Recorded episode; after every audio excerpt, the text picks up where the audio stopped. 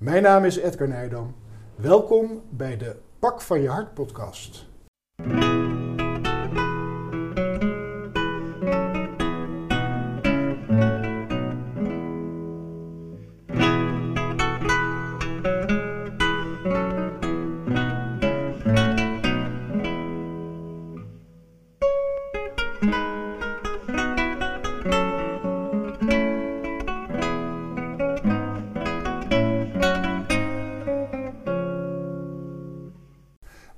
Pak van je hart?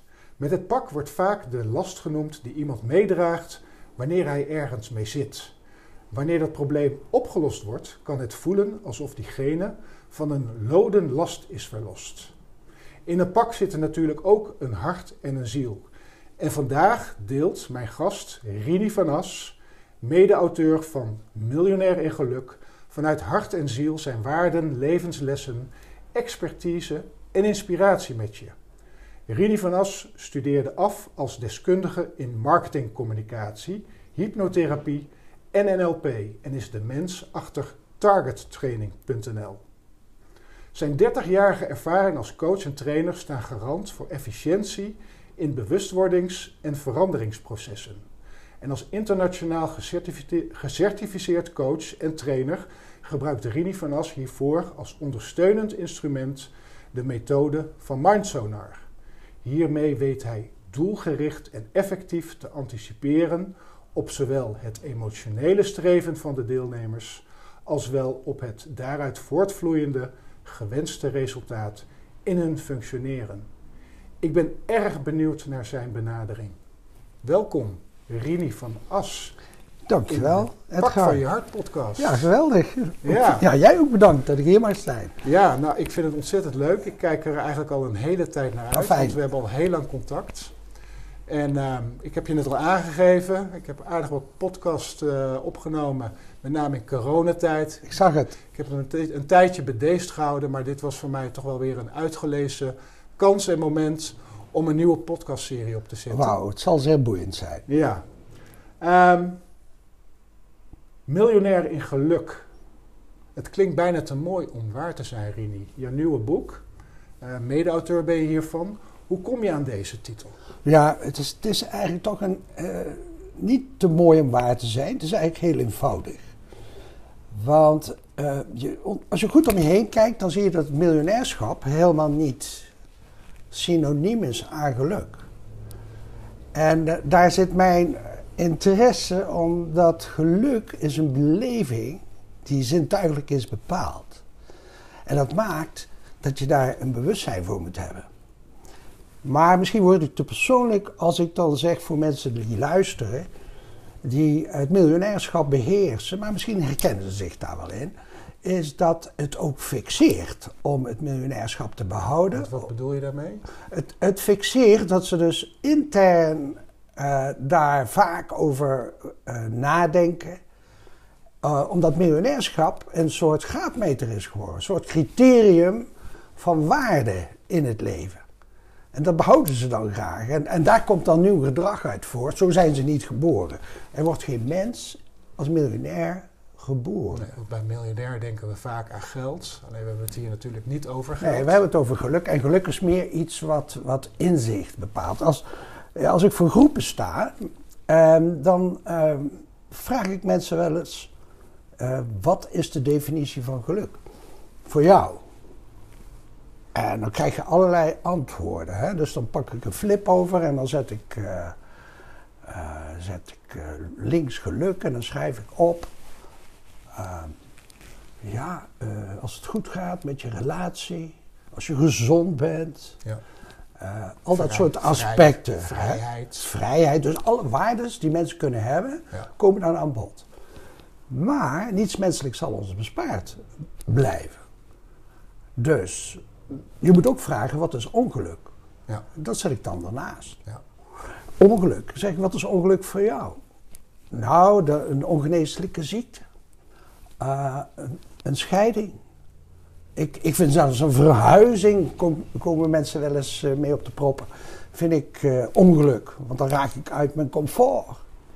Dus dan schrijf ik alle aspecten op, tot en met het woord kanker toe. En dan zeg ik, maar niets zal ons bespaard blijven. Nee. En dat maakt dat ik dan heel dat rijtje van geluk doorstreep. En ik zeg, geluk, dat is omgaan met ongeluk. Ja. Dus dat is een bewustwordingsproces. Juist, het is een bewustwordingsproces. En niets, ook de miljonair, zal dat niet bespaard blijven. Nee, want- En dus de kunst van het geluk, zou je kunnen zeggen, dat is de titel van een nieuw boek, is eh, om te begrijpen hoe dat werkt. En met name eh, de, de aspecten eh, op, op mentaal niveau, maar ook op fysiek niveau. En dat, daar heb je een heel leven voor nodig om dat te ontdekken. En, dat en, is, en daar heb je ook veel invloed op. en daar heb je onmiddellijk invloed op op het moment dat je dat bewustzijn hebt. En dat is mooi, hè, want dan- is het vertrekpunt nu.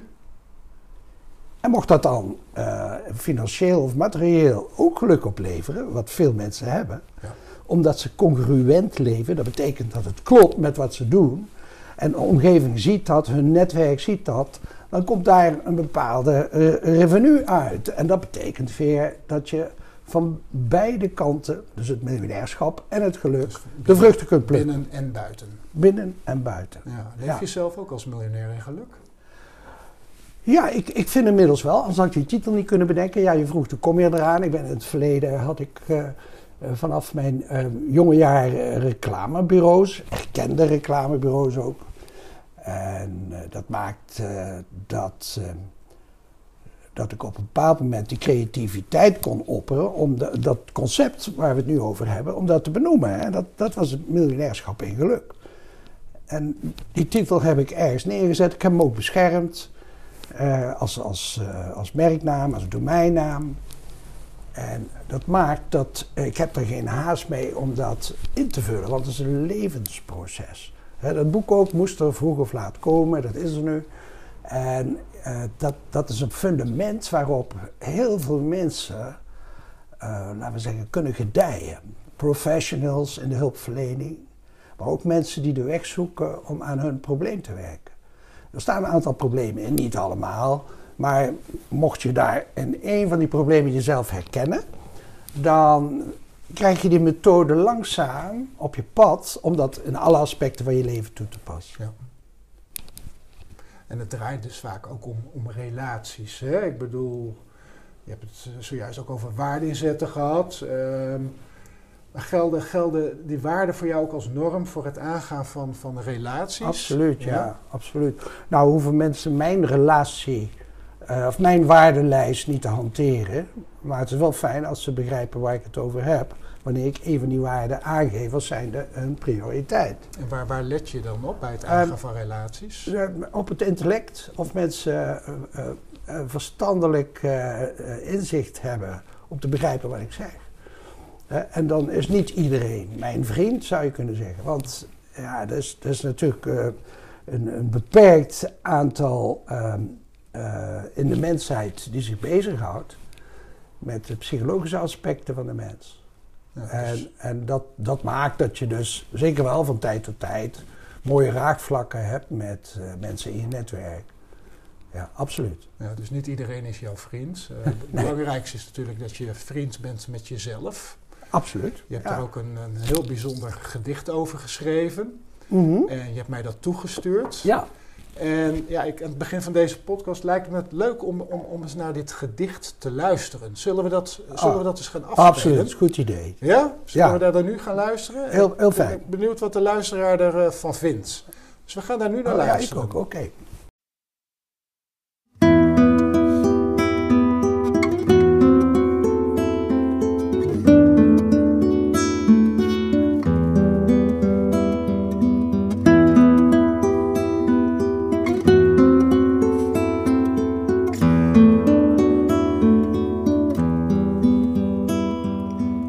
Waar je als kind halsrijkend nog verlangde naar mysteries in de ringen van de stam. Ben je nu zelf die gegroefde wijsgeer die nog groen is en niet nam? Het resultaat van jaren leven mondt dat uit in ontevredenheid?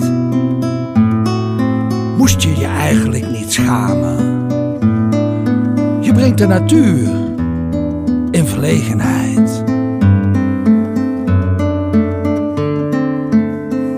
Jaren gaan en jaren komen. Je kijkt achterom en niet vooruit.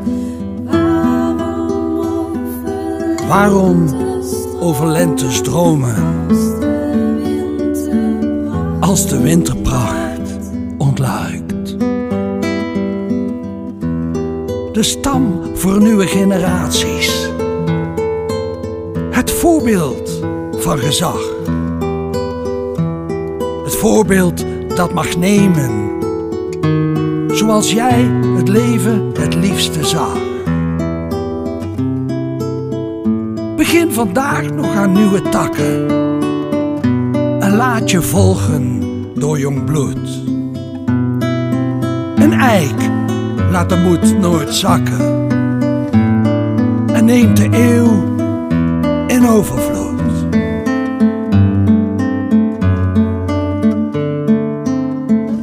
Jaren gaan, jaren komen. Je kijkt achterom en niet vooruit. Waarom over lentes dromen als de winterpracht ontluikt? Sterk in je wortels, voel de bodem waarop je leeft. En laat de wereld nu eens beven als jij je elementen geeft. Gehard in je vezels en weten wat gevoelens zijn. Laat ons nu niet gissen over ouderdom en pijn, maar voor altijd vrienden met onszelf zijn. Vrienden met jezelf zijn. Vrienden jezelf zijn. Vrienden met jezelf zijn.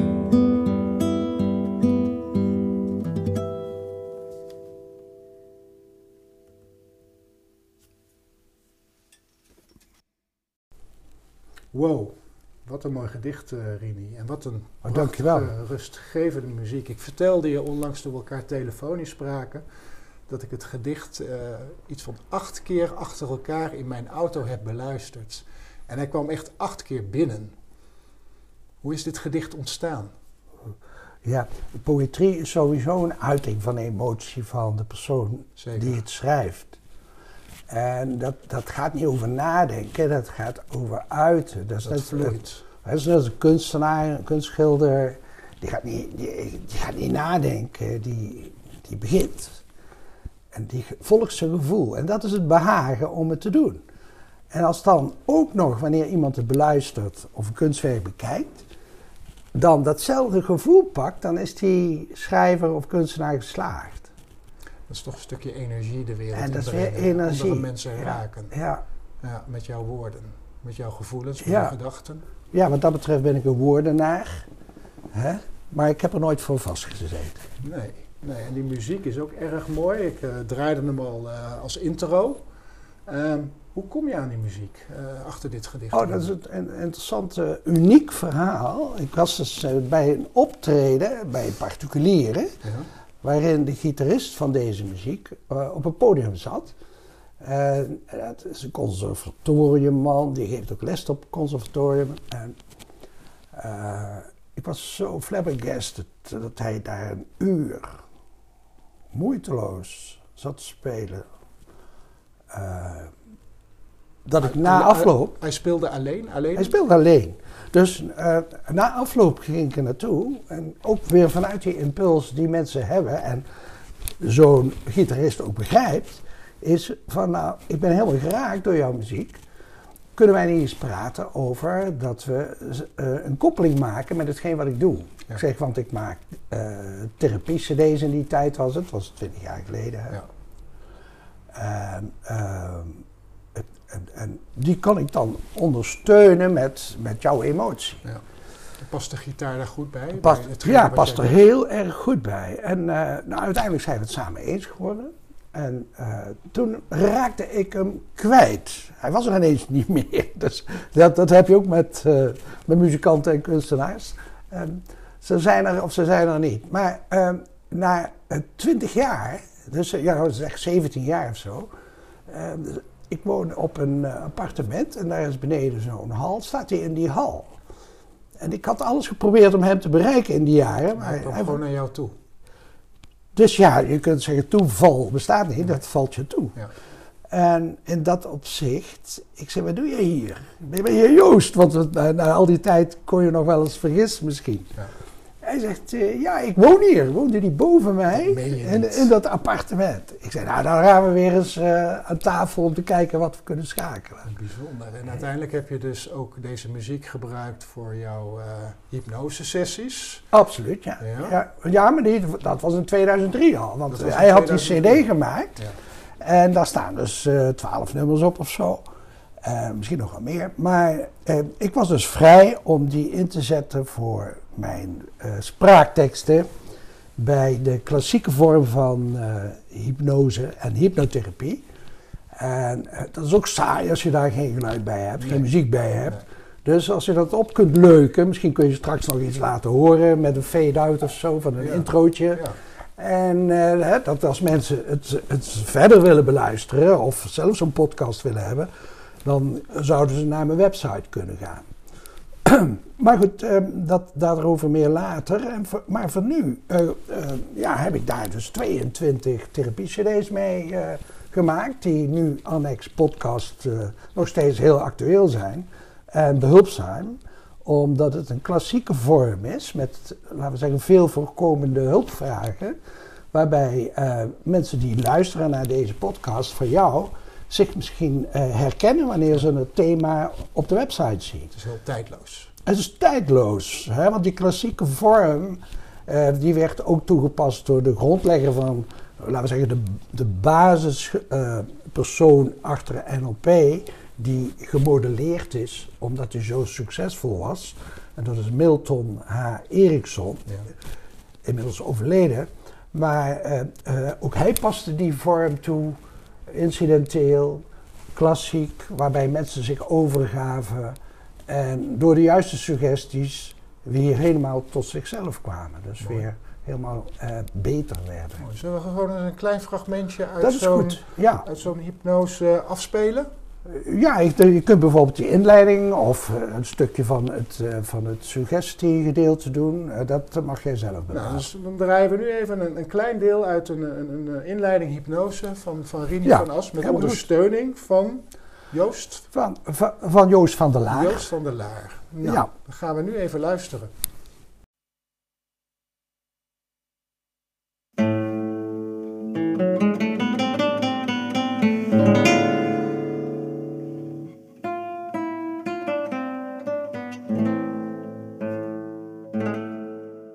Eerst even vertellen wat hypnose is en hoe je voor een heilzaam effect deze CD het beste kunt gebruiken.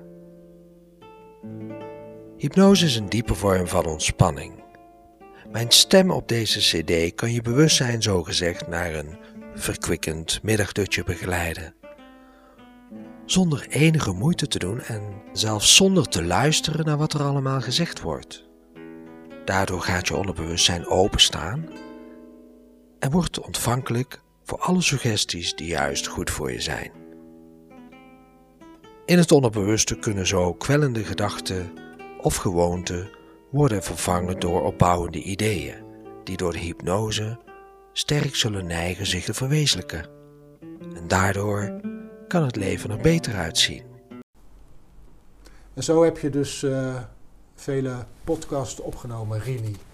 Absoluut. Ja, en die, die nog één keer even herhalen. Je hebt het net al even genoemd. Waar, waar kunnen mensen die mogelijk geïnteresseerd zijn dit Oh, terugvinden? ja. ja, ik geef ook cursussen. Ik heb een website, voor, Ja. ook voor particulieren.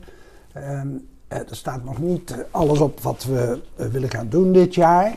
Maar dan kun je wel de shop vinden om die 22 podcasts eh, te kunnen downloaden. Ja, En dat is mm,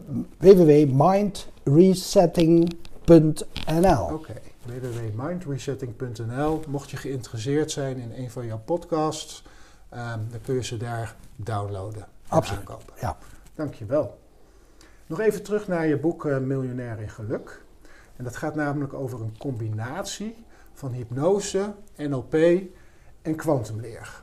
En jij, jij staat echt voor de hypnose en NLP, hè? Ja. Maar kun je mij de relatie tussen deze verschillende benaderingen vertellen? Wat is de relatie tussen deze drie eenheden? Ah ja, nou, dus, dus de kwantumleer Ja. eh, is iets waar Petra van den Berg, waarmee ik het boek heb geschreven, zich bezighoudt. En eh, de, ja, ja, dus we hebben elkaar gevonden via LinkedIn en kwamen in de dialoog op het idee eh, dat we eigenlijk dezelfde resultaten wilden bij mensen creëren. Dus de, wat wij met onze vaardigheden kunnen, is eh, mensen bij een hulpvraag onze methodes eh, te laten ervaren, waardoor ze zelf in hun leven een tool hebben waarmee ze hun eigen uitkomst kunnen bepalen. Alleen kwantumleren doet dat via een andere weg, maar met dezelfde intentie. Dus de, de intenties van alle aspecten in het En boek. wat is die? Wat is die En die intentie? intentie is, ehm, eh, ik denk voor kwantumleren toch met name eh, de mensen eh, duidelijk richting geven in de manier van denken ook. Ja. Alleen vanuit het standpunt van het universum en de energie die daarin betrokken is. En dat je daar sturing aan kunt geven. Eh, de NLP'er die heeft zijn kennis herleid vanuit hypnotherapie.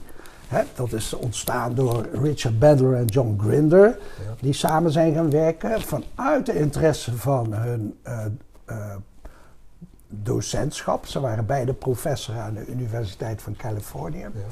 Ja. En eh, John Grinder, dat was een linguist, een taaldeskundige.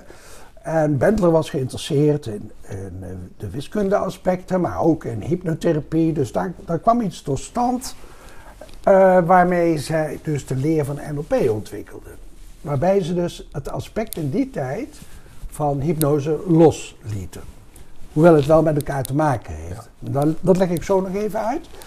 En maar ze kwamen erachter dat ze eh, na vijf jaar ontdekten dat de, de leerlingen de beklijfden de stof niet die ze hadden gedoseerd. En dat, dat maakt dat ze zeiden, we doen iets verkeerd. Weet je wat wij moeten doen? We moeten mensen die succesvol zijn, moeten we modelleren. En dat hebben ze gedaan met onder andere eh, de Milton Erickson die ik zojuist benoemde. En die Milton Erickson, een hele aardige man, heel succesvol. Mensen vlogen tien uur met een vliegtuig om daar door hem geholpen te worden in Amerika. In zijn eh, achtertuin stond een tuinhuis in Phoenix. En eh, de, de, de gang was de wachtkamer. Hij had zelf zeven kinderen, dus dat zelf- is wat geweest. Ben je er zelf ook geweest? Nee, nee, nee, maar ik heb, ik heb nog wel het idee om daar eens een, eh, een studiereis met mensen eh, voor te organiseren. Goed, die plannen zijn er. mede ook omdat alles wat ik doe raakvlak met hem heeft. En, dus, dus bijzonderenswaardig wat die man met, met taal teweeg brengt bij mensen door af te stemmen op het individu. Heel geweldig. Maar eh, wat ik wil vertellen is dat die Milton Erickson, die zei, ja, ik weet eigenlijk zelf niet wat ik doe. Leuk om dat terug te lezen. Maar daar hebben dus die John eh, Grinder en Richard Bandler modellen van gemaakt. Dus En hij was de pionier en, en zij hebben dit... nou, hij was geen pionier. Hij was zeker van zijn zaak als psychiater. ja. Dat hij met hypnose mensen kon helpen. En had daar ook alle feeling mee. En tools en toepassingsmogelijkheden om dat tot stand te brengen. Zelfs zonder het woord hypnose te benoemen. Geweldig. Hè? Dus dat, dat is heel leerzaam. Alleen die Bandler en die Grinder, die hebben dat herleid tot het begrip NLP. En dat staat voor neurolinguistisch programmeren. En het verschil met de kwantumleer is dat we puur uitgaan van het individu. Hè, daarom sommige mensen verwijten NLP dat het geen wetenschap is. Dat kan ook niet, want het is individueel bepaald. Maar wij mensen hebben allemaal dezelfde mogelijkheden. We hebben hetzelfde aantal beenderen en aderen in ons lijf. Eh, de manier waarop wij denken is bij iedereen voor hetzelfde bepaald. Daarom heeft iedereen ook dezelfde kansen. Alleen die worden door een aantal omgevingsfactoren bepaald natuurlijk. dus het gaat er ook om hoe is dat gecreëerd. Dat maakt mensen ook interessant. En als er problemen komen, dan is dat veld mede verantwoordelijk. En nu gaat het om de bewustwording, het inzicht van hoe kun je dat corrigeren. Dus dat, dat uh, begrip NLP gaat ervan uit dat als ik jou duidelijk maak wat denken is. Dus je vraagt mensen wat denken is en ze weten het echt niet. Als ik jou duidelijk maak wat denken is, kun je de regie erover voeren. Maar uh, de mensen. Wat, wat, wat is denken dan? Ja, precies. Denk, nou, ik wou, uh, laat ik jou de vraag stellen: wat is denken? En dan kan ik ook herleiden dat de bewijsvoering daar is dat niemand het weet. Is het niet de, de gedachten over je gedachten observeren? Nee, wat is een gedachte? Dus als je weet wat een gedachte is, weet je wat denken is. Ja, want gedachten komen en gaan. Maar ja, dat benoem je. De tafel komt en gaat. Maar als jij uit de rimpel komt, dan weet je niet hoe een tafel eruit ziet. Dat is de issue van bewustwording. En nou gaat het erover dat we daar dan een complete cursus, ik wil zelfs een weektraining gaan geven in de stijl van Ericsson. Uh, op een locatie waar mensen uh, behagelijk uh, gedijen en daar de leerprocessen makkelijker gaan. maar het denken is zintuigelijk bepaald. En dan kun je vragen wat is zintuigelijk bepaald. Dan zit ik hier vanavond om, om zes uur nog en dan weet je het nog niet precies. Dus daar gaan die opleidingen over. Hoogst interessant, want op het moment dat je dat pakt, ben je namelijk eigenaar van je lichaam en eigenaar van je gedachten. Nu denken mensen dat ze hun gedachten zijn. En dat komt ook wel overeen met de kwantumleer. Die, die gebruikt ook deze woorden om mensen duidelijk te maken. Je bent de baas over wat je denkt. Hou die kwaliteit van die gedachten in de gaten. Ik noem dat persoonlijk gedachtenhygiëne. dus de vervuiling ontstaat door wat mensen wijsgemaakt wordt door de overtuigingskracht van, van, van, de omgeving, hè, milieu. De, ja. Hè, niemand heeft er gelijk. Iedereen heeft voor zichzelf gelijk, want iedereen heeft een andere overtuiging. Hè, dat is ook de reden van conflicten. Waarom maken mensen oorlog? Dat is omdat ze verschillende overtuigingen hebben. En uh, zelfzucht is ook zo'n aspect wat maakt dat mensen niet zien dat ze eigenlijk wat verder moeten gaan in de rijkwijde van begripsvorming. Eh, inzicht is het fundament van geluk. Mooi. En door dit boek te lezen kom je ook achter al dit soort vraagstukken? Ja, ja, ja absoluut. En, en eh, maar daar moet je wel moeite voor doen. Hè? Dat zeggen. Ja, daar moet je wel moeite voor doen. Maar je zou kunnen vragen, ja, hoe moet je dat boek lezen? En dan, dan zeg ik van, nou, kijk eerst eens wat je hulpvraag is. Heb, je, heb je geen hulpvraag omdat je zelf vindt dat je helemaal oké bent, dan heb je misschien wel interesse in de methodes die in het boek staan. Duidelijk. Waar ik eigenlijk nu benieuwd naar ben, hoe ben je uiteindelijk bij, uh, bij de studie van hypnotherapie terechtgekomen? Ja, nou dat is goed dat je dat vraagt. Ik vind het ook wel een, een, een grappig verhaal. En blij dat het allemaal gebeurd is wat ik nu ga vertellen, want anders hadden wij hier niet gezeten en was ik niet tevreden over mezelf geweest misschien. Oh. Uh, het was een, zeg, uh, ik was een jaar of dertig en ik, ik had een erkend reclamebureau. En wij werkten voor de Stichting Volksgezondheid en Roken in Den Haag. Ja. en, ja, de ideeën die ik maakte werden daar enthousiast ontvangen en goedgekeurd. Teksten, contacten met tv, media. We hebben alles gedaan wat mogelijk is op het uh, reclamegebied. Maar op een bepaald moment zegt uh, meneer Pomfort, de directeur van de stichting toen tijd, uh, waarom zou je niet hypnose inzetten? En dat verbaasde mij, want Gebeurde ik was... dat toen nog niet? Nee, nee, nee, absoluut niet. Ja, tenminste wel door de therapeuten, ja. maar niet in campagnevoering. Okay. Dus dat, die, die campagnes werden betaald door het Koningin Wilhelmina Fonds. En eh, ja, die hadden een bepaalde verantwoording. Dus als, als, als, ik die directeur was geweest, dan had ik dat niet in die tijd zomaar geopperd. Enfin, eh, de, de man leefde inmiddels uh, helaas niet meer. Een hele vriendelijke, aardige, kundige, competente man. Maar eh, ik zeg, ja, nou, waarom niet? Dus ik, in die tijd hadden wij nog de Gouden Gids. En ging ik op zoek naar een hypnotiseur in de buurt. En dat is naderhand een hele goede vriend geworden. Want hoe werkte dat? Ik zeg, heeft u, en dat was uh, Jo Hansen. Het leuke aan Jo Hansen was, die was eigenlijk permanent in de stijl van hypnose. Ja, met Jo Hansen. Hij leefde Dus, het. dus eh, hij, hij was al aan het hypnotiseren terwijl hij aan het praten was. Maar hij was eh, leraar elektrotechniek op de MTS. En daar gaf hij ook demonstraties eh, voor, voor groepen van 300 man. Eén keer per jaar als er een schoolfeest was. En daar had hij heel veel succes mee. Dus die was daar permanent mee bezig. Ook één op één, individueel. En hij zegt, ik zal je een aantal mensen die gestopt zijn met roken door hypnose, zal ik je toesturen en adressen geven. Dan kun je die betrekken in jouw campagne. Nou, eh, en wij betrokken daar ook, wij betrokken daar ook eh, eh, de bekende Nederlanders bij. Ja. Ik, ik heb nog met Piet, Roken, rokende Nederlanders. rokende Nederlanders, die dan weer waren gestopt er waren. toen veel, denk ik. En er waren er heel veel in die tijd, ja. Ja. Dus eh, en, en, in feite kwam daar een leuke campagne uit. Ja. Eh, door het te benoemen, zodat mensen een extra handvat hadden eh, om te kunnen stoppen met roken. Nou, ik heb ook, als mensen willen stoppen die luisteren, op de site mindresetting.nl zo'n podcast hoe je met hypnose kunt stoppen.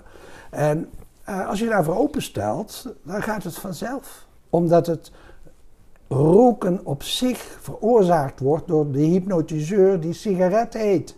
Denk, heb jij het gevoel dat dit het beste werkt voor mensen die nou, niet nee, het is een keuzemogelijkheid. Kijk, mensen hypnotiseren zich permanent zelf. Ze zijn hun eigen hypnotiseur. Maar als ze de leiding kwijt zijn, dan hoeven ze maar naar een sigaret. Daarom werkt die reclame zo geweldig. En daarom is het ook verboden. Omdat het op subli- subliminaal niveau eh, mensen aan het roken zet. Ja. Hè? Eh, en ze kunnen het wel verbieden en de prijzen omhoog doen, maar mensen niet. blijven roken. Ja. Oké, waarom? Omdat de hypnose zo krachtig werkt. De sigaret is de hypnotiseur. Alleen mensen beseffen dat niet. Het beeld van de sigaret, de sfeer van het roken, de mensen die je aardig vindt met een sigaret, de interactie, het sociale gebeuren, is een hypnotisch proces. Ik weet er alles van. Oh, oh, weet je het, ja. Ik weet er Oké, maar goed, toen op een bepaald moment eh, eh, dacht ik van, ik moest voor een sportexamen voor een zwarte band eh, karate. En je moet dan op een podium voor zo'n examen al die kata's laten zien. En dan was, ik had eigenlijk podiumvrees, zou je kunnen zeggen. Ik denk, misschien kan die man mij helpen. Hij zegt, nou, ik ben op tv geweest, die Johansen. Maar ik maak nog wel bandjes. Dat was in die tijd, cassettebandjes. En hij was zelf bokser, dus hij begreep de hulpvraag. En eh, hij stuurde zo'n cassette en ik wist niet wat me overkwam. Hij heeft je geholpen. Dus hij heeft mij geholpen. Dus, die, dus dat stukje podiumvrees was, eh, terwijl ik de eerste hulpvraag had van de wereld van, ja maar ik wil juist groepspresentaties maken. Dat is daar gestart, toen ik 30 was. En eh, vandaar dat ik dus heel enthousiast voor hypnose werd. En ik had alle papieren van de reclame in mijn zak, dus ook over het commercieel communiceren. Maar dit ging over individuele communicatie. Ik dacht, het is ook een mooie toevoeging als reclameman om die twee aspecten te bundelen. Daar heb ik ook een boek over geschreven. Dat heet Creativiteit en Inspiratie. En dat is eh, in 2011 gelanceerd. En eh, nou ja, dat heeft mij veel vreugde gebracht, zoals onder andere lezing op uh, Nijenrode. Ja. En heel veel belangstelling van mensen die dachten, oh, die van As kunnen we inzetten voor onze groepspresentaties. Toen was de cirkel weer rond.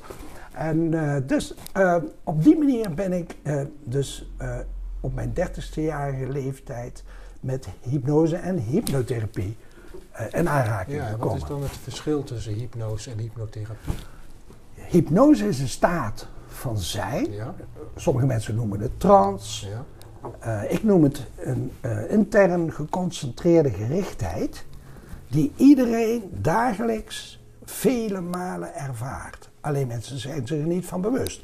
Je kunt dat ook, uh, laten we zeggen, als proces oproepen, zelf. Dan heet het zelfhypnose. Maar wat heb je er nou aan? Eh, het, het- dus hypnose is de, is de beleving, eh, staat van zijn. En hypnotherapie is het proces wat je gebruikt als iemand in trance is. Of om in trance te geraken. Dat is het hulpmiddel om in hypnose Ja, dat is, dat is een vak. Dat, dat- die mensen die eh, dat vak uitoefenen zijn ook daar aan restricties gebonden. Eh, begrijpelijk, omdat als iemand zich overgeeft op onbewust niveau, eh, dan moet je wel met iemand omgaan die eh, professioneel is en te vertrouwen. Zeker. Dus in dat opzicht is er een. is, sommige mensen zijn bang voor hypnose, maar dat hoeven ze echt niet te zijn, want ze- gaan dagelijks in hypnose. Nou, we je, kennen natuurlijk al die beelden wel op televisie van dat wordt, je bent nu een hond en dat soort dingen. Maar lukt het trouwens bij iedereen om je te laten hypnotiseren? eh, iedereen die kan slapen, Ja. is te hypnotiseren. Waarom kunnen mensen slapen? Omdat ze zintuigelijk overgeven, zichzelf loslaten zintuigelijk. Daar zit een procedure in. Eh, dus iedereen kan dat. Behalve als je zegt, nou bij mij lukt dat niet. Dan, dan heb je eigenlijk besloten het niet door een ander te laten gebeuren. Maar dat is, dat is gelijktijdig een, een probleem. Want als je zo, laten we zeggen, op jezelf geconcentreerd bent dat een ander geen dialoog met jou kan hebben, dan kun je nooit je probleem op laten lossen door een ander. Dus eh, Dus het is voor iedereen is het eigenlijk mogelijk. Het zijn, er, zijn er dan ook bepaalde ideale omstandigheden om, om dit, dit, dit te doen? ja, je, kijk, Of kun je dit overal? Nou, ja, er zijn heel veel aspecten die maken dat het, dat het lukt en dat het goed gaat. En dat mensen eh, krijgen wat ze in eh, de hulpvraag benoemd hebben. Ehm, maar het is natuurlijk zo dat de, de verwachting van de persoon mede bepalend is. En de verwachting, daar zie je iets bij, daar hoor je iets bij en daar voel je iets bij. Als een therapeut daaraan tegemoet komt door te traceren, door naar die persoon te kijken wat die verwachtingen zijn, Dus je kunnen overgeven. eh, dan kan je dat stimuleren. Ja. Dus de, de hypnotherapeut leert af te stemmen op zijn subject, zoals dat heet, en, eh, of cliënt, hè, zeg maar eenvoudig cliënt. En eh, door daarin mee te gaan in de beweging van de hulpvraag, krijg je die atmosfeer waarin het ontstaat. En is dat dan ook de reden dat hypnose en NLP met elkaar te maken hebben? Absoluut. Ja. Je ziet ook vaak eh, dat de opleiders op het gebied van hypnotherapie daarin NLP betrekken. En, NLP is een benoeming, neurolinguistisch programmeren heet het. Neuro staat voor zenuwstelsel. Linguïsme staat voor taal, verbaal en non-verbaal. En programmeren staat voor bestuurbaarheid. Dus de aspecten die de via neurologische weg, via de zintuigen bepaalt, dat iemand die denkt dat hij ziek is, gaat denken dat hij beter wordt, die kunnen zowel door hypnotherapie op onbewust niveau worden ingebracht, als door NLP op een overtuigende taaltechnische manier. En als, als mensen dan zeggen, oh ik pak het, hè, dus dat ze de handreiking, de verbale en non-verbale handreikingen van de NLP'er kunnen pakken, dan zweeft het ook niet meer. En dan ben je geholpen. En dan ga je dat ook inlassen in de rest van je leven. Dus dan ga je ook begrijpen dat je een uitkomst moet benoemen, wil je ooit succesvol worden. En dat, dat succesvol zijn niet door de cijfers op je bankrekening worden Dus je bepaald. moet elke keer toch weer een soort doel hebben. Je moet elke keer weer een doel hebben. Ja. Zit die, zit die er nog? Ja, hij zit er nog. ja. Ja. Even iets, iets heel anders, want ik, ik vind het wel leuk om weer even een stapje naar je boek te maken, Rini. Ja. Ehm, en dat boeit mij altijd wel eh, als ik dit lees. Een beter liefdesleven. Ik heb eh, het hoofdstuk van de ochtend nog gelezen. En de titel intrigeert mij sowieso. Maar durf jij te beweren dat je met toepassing van hypnose NLP een beter liefdesleven kunt creëren? Ja, kijk, dat hangt er een beetje van af wat jouw definitie van liefdesleven is. Dat varieert per mens. Ja. Dus als je daar problemen onder vindt, dan wordt die subjectieve hulpvraag weer iets voor de therapeut. Ben je tevreden met wat je hebt, omdat je niet, bijvoorbeeld niet beter weet, in dat geval is het geluk met de domme, dan ben je een happy persoon als je tevreden bent over je relatie, of misschien wel tevreden bent over het hebben van geen relatie.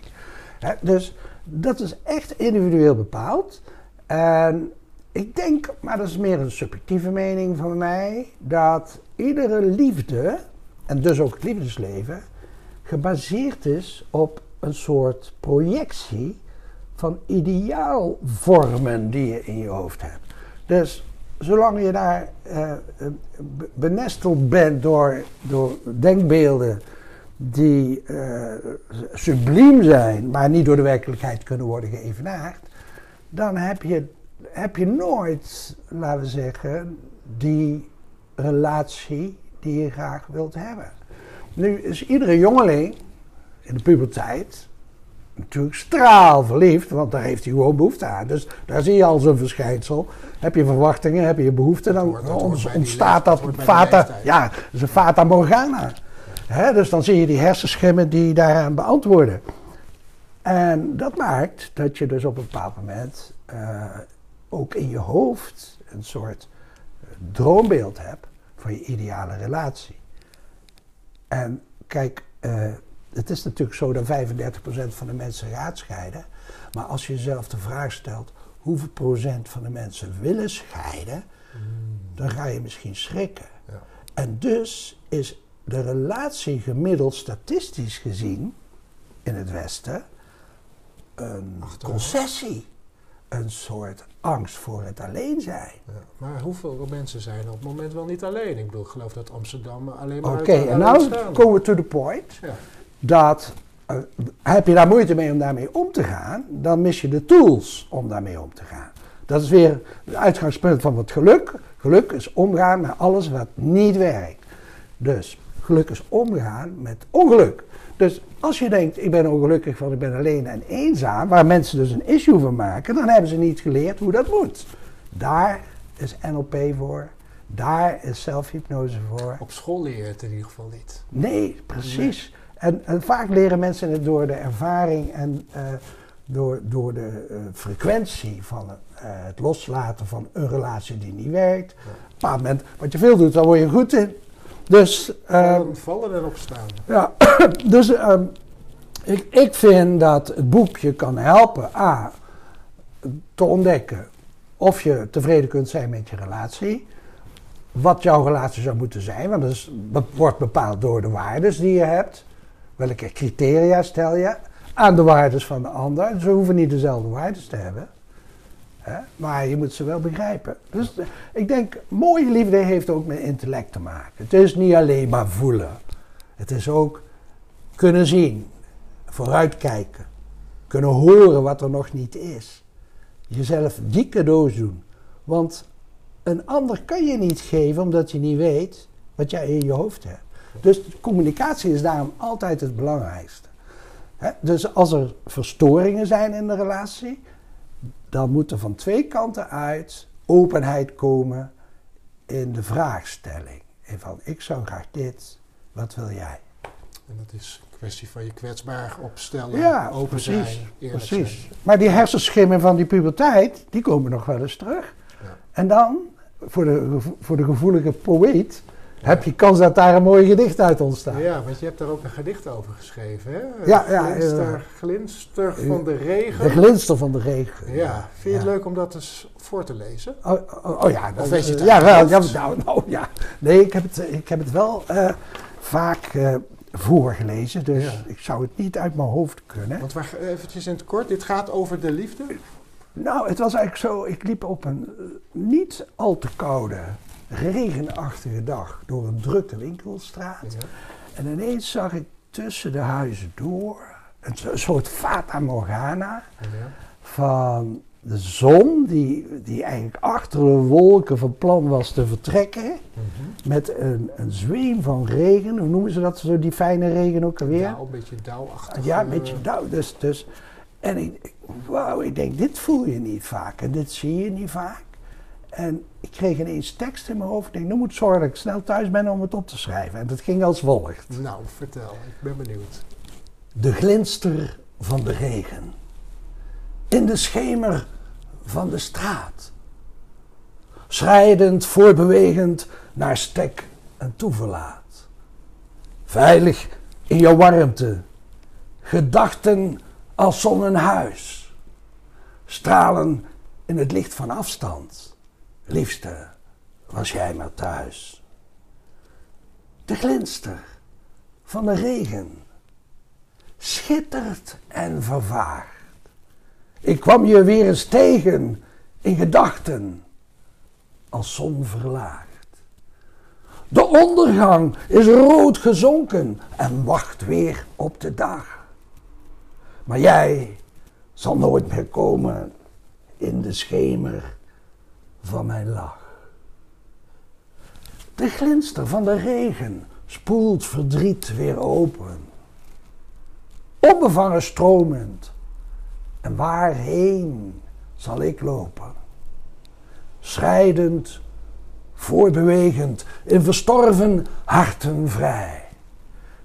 De afstand wordt steeds groter.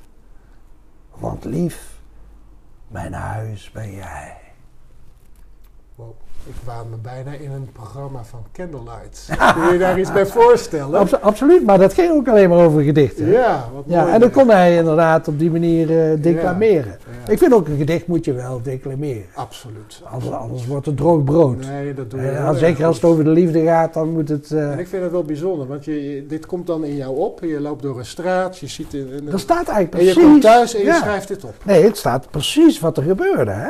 Ja. Kijk, de glinster van de regen in de schemer van de straat, dat is, daar liep ik. Je beschrijft gewoon En eh, ik, ik wilde naar huis om het op te schrijven, schrijdend voorbewegend naar stek en toeverlaat. Ja. Maar ik kom daar en dat was de kilte. Maar dus voelde ik de warmte in gedachten als zon in huis. Liefst was jij maar thuis. Ja. Maar die was er niet. Nee. En wie die persoon was, is eigenlijk een verzameling van liefdes uit de echtheid van de jeugd. Dat kom je naarmate je ouder wordt niet meer zomaar tegen. En als het wel is, is het weer een projectie vanuit die wens, droom. Ja, want ook in, in jouw boek, eh, of in jullie boek moet ik eigenlijk zeggen. Ja, je ja van Petra is daar ook... eh, Er staan best nog wel wat emotionele thema's in, hè? Eh, die met name in deze tijd de nodige aandacht verdienen. Want absoluut. Ik bedoel, ik heb wel eens het idee dat de maatschappij toch ook eh, op het gebied van emotie eh, toch een beetje aan het verloederen is. Ehm, maar hoe, hoe adviseer je nou mensen om dit boek te gaan lezen? Want dat zijn Nou, kijk, eh, vraagstukken ja, ja, dus al- allereerst, als de titel je triggert, dan zou ik het kopen. Miljonair geluk. Als je het boek in handen hebt, dan vraag je jezelf af, waar heb ik behoefte aan? Dus dan zou je op- in de inhoudsopgave eens kunnen kijken welk thema jou aanspreekt. Ja. Zo zou ik het doen. En dan kun je het van achter naar voren lezen. Of van midden, van Of van midden naar voren. Want ja, kijk, Ja. als je eenmaal gefixeerd bent in een boek, Ja. hè, dan blijf je daar ook eh, goed mee bezig. Dat wordt onderdeel van, van die periode. En eh, verder is het boek heel handig voor mensen die er vragen over hebben. Want we hebben zowel op, over de kwantumleer als hypnose en NLP hebben we een vragenlijst toegevoegd met antwoorden. Die in, door de loop van de jaren zijn ontstaan door cliënten en cursisten. mensen die wilden inschrijven en voordat ze dat deden, die vragen beantwoord wilden hebben. Ja. Zodat je weet dat het anders is als dat je het zelf tot nu toe hebt ingevuld. Want dat doen mensen. Mensen vullen in wat hypnose is. Ze zijn bang voor hypnose, maar hoe kun je bijvoorbeeld bang zijn als je niet weet wat het is? Dus daar is eigenlijk ook het boek voor bedoeld, om een drempel te verlagen. A, voor eh, mensen die daar zichzelf in kunnen bevoordelen. Maar belangrijk is ook, vind ik, dat, eh, want zo is het schrijfwerk ontstaan, dat therapeuten er tools in vinden om cliënten te helpen. Toen ik dus in die tijd eh, mijn studie startte, was mijn vraag: oké, nu, nu heb je die vaardigheid. Maar wat ga je dan zeggen? Wat zijn de suggesties? Hoe formuleer je suggesties? Welke suggesties hebben wel kwaliteit, welke niet? Dat staat in geen enkel boek. Dus ik vond dat dit boek er moest komen. Ja, dus je begint gewoon bij dat hoofdstuk wat je op dat moment het meeste aanspreekt. Waar, je, waar je eigenlijk eh, een vraag over hebt. Ja, En dan rol je vanzelf helemaal goed. Ja. verder. ja, er zit een zeven dagen plan bij. Ja. Dus dan wordt jouw hulpvraag in zeven dagen eh, opgelost. Kijk. En de aanhouder wint in dit geval zeker. Dus het gaat ook wel om mensen die, laten we zeggen, ausdauer hebben en, en, en de durf om zichzelf te confronteren met hun eigen onvolkomenheden. Ja, en heb, ik heb me ook nog verdiept in het boek, eh, of in het hoofdstuk Betere crea- Creativiteit. Ehm, en wat ik me nu eigenlijk afvraag is of jij in iedere mens een kunstenaar ziet. Ja, absoluut. Alleen een slapende kunstenaar gemiddeld. Toch een slapende kunstenaar. Want, want een kunstenaar is iemand die beseft waar creativiteit in het hoofd zit. En eh, iedere kunstenaar geniet van de impulsiviteit waardoor kunst ontstaat. En dat zit in het onderbewuste. Dus het heeft zeker raakvlak met hypnose en hypnotherapie en NLP. Omdat het allemaal zintuigelijk is bepaald. Dus, dus creativiteit zit in de rechter hersenhelft. Die lokalisering, ja, die kun je eh, tegenwoordig met, met eh, al die testen en elektronica eh, computermatig bepalen. Dus de, verfijning daarin, daar gaan we het nu niet over hebben. Maar het zit dus onbewust. Zo heb ik eens gesproken met een kunstenaar in die tijd. Eh, Martino, hij is inmiddels overleden. En hij had een eh, atelier in Amsterdam. Er stonden zeven ezels. En ik vroeg hem: eh, waar, Weet jij nou waar je s'morgens aan gaat beginnen? En hij zei: Daar heb ik absoluut geen notie van. Dus eh, ik begin gewoon. Ja. En dus creativiteit, daar stap je in. Ja. En dat gevoel wat dan ontstaat, doordat jij die grens verlicht hebt. Kijk, dat is net als je wel eens moeite hebt om is naar dus de eigenlijk ook impulsieviteit. ja, juist. Ja. juist. En impulsiviteit eh, zit in die rechter hersenhelft. Dus laat je verrassen, want eh, eh, creativiteit is niets anders dan bestaande elementen door associatie te mixen en zich te laten manifesteren in een nieuw inzicht. Maar zijn we dan te rationeel geworden? Of laten we ons overspoelen door, door al, al die nieuwe media en de sociale media? Voor degene Eh, die door- het niet doet. Ja, voor degene die niet creatief is. Eh, maar ja, het hangt ook een beetje af van het, eh, van het type mens en zijn voorprogramma in het leven. waardoor zijn overtuigingen zijn ontstaan. Dus als je de overtuiging hebt, dat, dat zie ik wel eens als ik zelf aan het schilderen ben. Och, dat is niks voor mij. Dat is een overtuiging. Je kunt pas weten als iets voor jou is, als je er middenin stapt. En dat behagen biedt creativiteit. En er is zoveel creatiefs, als je ziet ook eh, op het gebied van technologische ontwikkelingen. Dat zou nooit kunnen als Einstein niet had bedacht. Nee, dat klopt. Dat klopt. En dat opzicht kunnen we met het licht reizen als we willen. Alleen, ik denk dat ons leven voldoende is om dat pad alleen eens een keer goed te bewandelen. Dus met de juiste tools, en die staan in jouw boek beschreven, is het mogelijk om als levenskunstenaar door het leven te gaan. Zo mag je het wel benoemen. Ja, die vrijheid heb je. En vrijheid, dat is een woord, ik heb het je nou, niet horen zeggen, maar ik weet gewoon dat vrijheid misschien wel jouw grootste goed is. Ja, ja kijk, een, een mens is een optelsom van zijn waardes. En als je met mensen praat, dan hoor je in de eerste vijf minuten al wat je belangrijk vindt. Ja. Je kent ze wel, de mensen die het altijd over geld hebben. Je kent ze wel, de mensen die het altijd over gezondheid hebben. Je kent ze wel, die, de mensen die het altijd over liefde hebben. Dus dan heb je al drie waardes te pakken. Maar wat is nou het belangrijkste voor jou? En dat leer je door de jaren heen voor jezelf te beseffen. Het varieert per context. Oké? Dus je moet wel kijken in welke context. En, en deze context zoals wij hier zitten, vind ik bijvoorbeeld eh, tweezijdige communicatie bovenaan staan. En, en dan rekening houden met eh, elementen die er maken dat het goed gaat. Zeker. En dat, daar zitten heel veel aspecten in. Ik zou daar een dagtraining in kunnen geven. Om dit gesprek als voorbeeld te laten eh, functioneren. Ja, want we zitten hier in een kledingzaak, in een maatkledingzaak. Ja, mooi. En ehm, ik wilde je aan het einde van deze podcast toch nog even een aantal spreekwoordelijke vragen stellen. En daarin zit natuurlijk mijn vak kleding een beetje verweven. En mijn eerste vraag is, Rini, kan jij als hypnotherapeut door iemands kleren kijken? Oftewel, weet jij wat er in iemand omgaat? Ja, absoluut. Ja. Kijk, eh, onderdeel van eh, mijn vakgebied is lichaamstaal. Dit jaar heb ik ook een cursus ontwikkeld. Die heet Een mooi gebaar. En dat is de titel van een cursus over lichaamstaal. En dan gaat het er niet zozeer om dat je kijkt van dat iemand met zijn potlood staat te draaien, wat dat zou betekenen. Het is geen wetenschap. Dus het is individueel bepaald, contextgebonden. Heel interessant, want eh, je hebt dus maar meer factoren rekening te houden. En als een helikopter boven het gebied te gaan hangen van dat waar eh, iemand zijn lichaam voor gebruikt op dat moment. Nou, dat klinkt allemaal heel moeilijk, maar je leert dus in mijn vakgebied te kijken in totalen.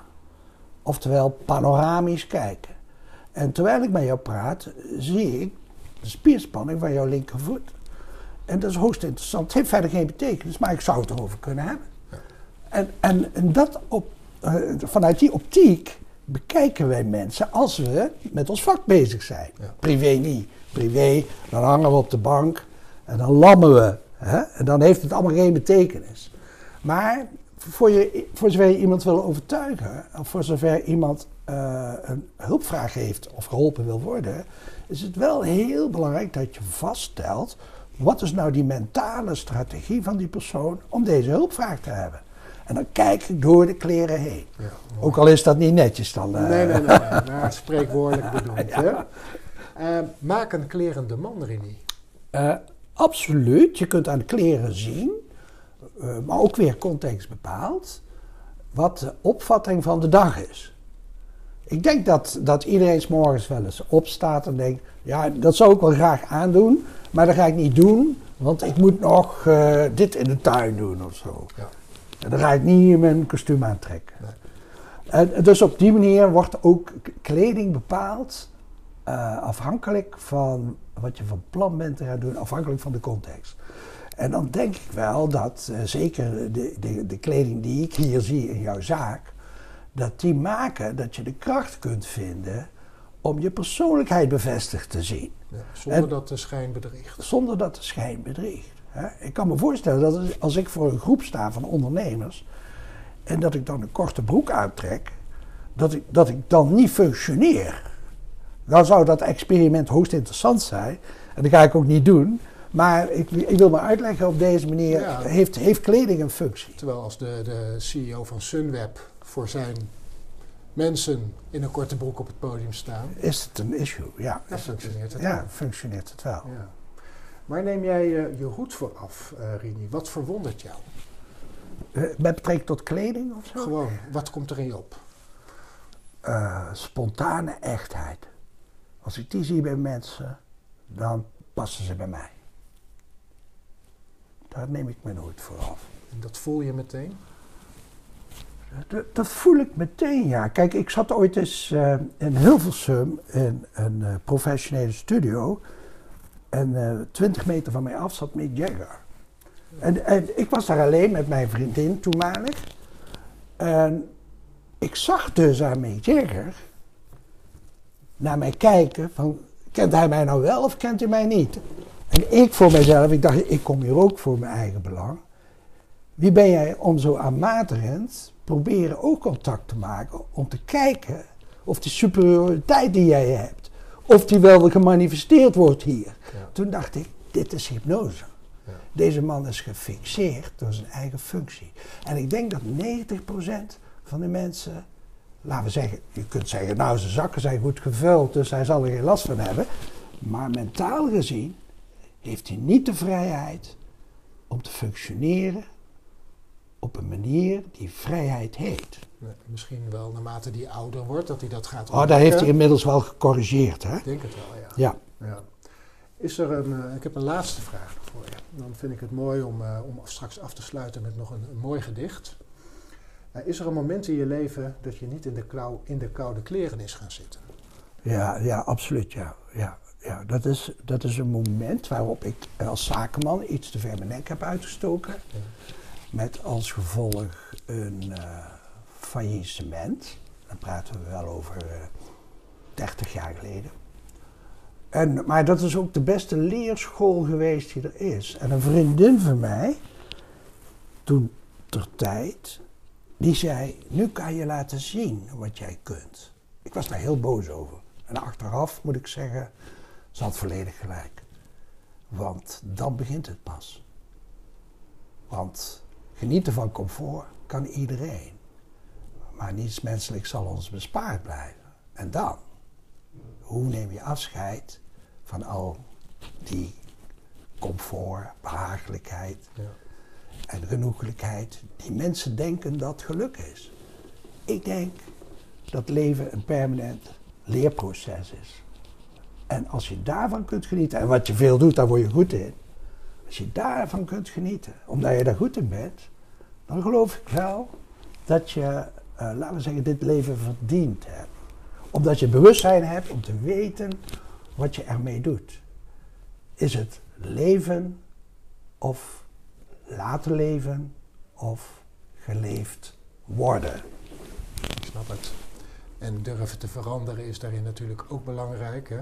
Dingen loslaten, nieuwe dingen omarmen, blijven leren, blijven ontwikkelen. Omgaan met pijn. Omgaan met pijn, ja. Want ik heb eh, gelezen dat je eh, in mei, juni van dit jaar mogelijk ook een, een retraite gaat houden in deze omgeving. Ja, ik ben nog een locatie aan het zoeken. Ja, dus, waar, waar eh, wordt dat een, een, een weekendretraite? Nou, dat, dat wordt een, een, een- een weekretraite met als titel Miljonair in Geluk. Waarbij de essenties dus op de groep worden afgestemd. Maar dat, dat wordt geen grote groep. Dat wordt een groep van maximaal 10 mensen. Eh, en die gaan eh, zeg maar een week met Rini van As ontdekken wat 40 jaar ervaring op dit gebied kan opleveren in zo'n week. En dat is hoogst boeiend. Maar we zijn nog niet uit de, uit de locatie, dus Nee, eh, hou mijn website in de zit- het gaten. Het zit in de pen. Ja, Ja, mooi. Bijzonder. Een week lang. Ja, een week lang betekent dan Vijf dagen. zoiets, ja. Eh, Rini, we zijn dus zo'n beetje aan het, eh, het einde gekomen van deze eigenlijk eerste Pak van je hart pod- podcast. Oh, wauw, ja. Een hele opluchting natuurlijk, hè? Dat, eh, dat we dit gesprek samen tot een mooi einde hebben, hebben mogen Ja, het was me waar genoeg. brengen. En ja, ik, ik noemde net al eventjes De Verandering. Prachtig gedicht. Wat eh, ook weer uit, eh, uit jouw hoofdgedachte zomaar is ontstaan, neem ik aan. Precies. En ook wel eh, actueel is, hè? Ja, heel actueel. Heel actueel. En da- daar ook een bewustmakingsgedicht. Ja, Want niks is blijvend. zeker niet. Ik vind, ik vind het denk ik heel fijn om met dit gedicht af te sluiten. Ik ga hem zo inzetten. En ik wil je ontzettend bedanken Ik jou ook. voor je komst hier naar mijn eh, Experience Tailoring Showroom in Driebergen, Rijsenburg. De eerste Pak van je Hart podcast. Rini van As, dank je wel voor je mooie en fijne lessen, inspiratie en energie. Geweldig, Edgar. En geweldig dat jij dit zo mooi hebt weten te kanaliseren. Heel graag gedaan. Heel spontaan, Heel spontaan. vanuit de echtheid. Absoluut. Helemaal goed. We gaan nu luisteren naar De Verandering.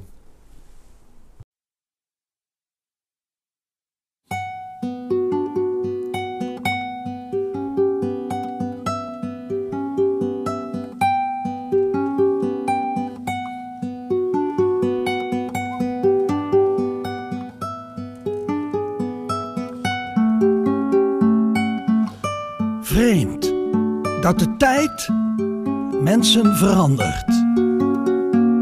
Of veranderen mensen de tijd? Kan zijn dat mensen de mensen veranderen. Of de tijd de tijd. Zou de verandering de verandering veranderen? Omdat de verandering de mensen verandert? Er verandert zoveel dat de tijd verandert. Meer nog dan mensen de tijd hebben om te voelen dat er iets wezenlijks verandert. En dat de verandering in de tijd er altijd was. De tijd voorbij veranderen mensen nog steeds. Zelfs dat wat in de verleden tijd veranderd leek, verandert nog steeds. Omdat je als mens verandert. Misschien is verandering wel de tijd. Of de tijd altijd je verandering.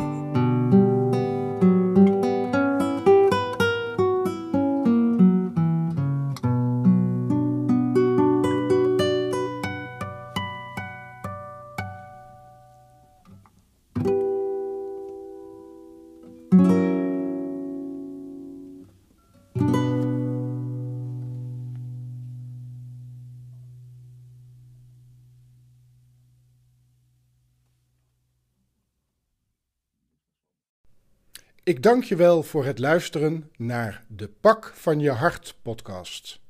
Wellicht is er door het luisteren naar de podcast een vraag bij je opgekomen of ben je ergens van verlost.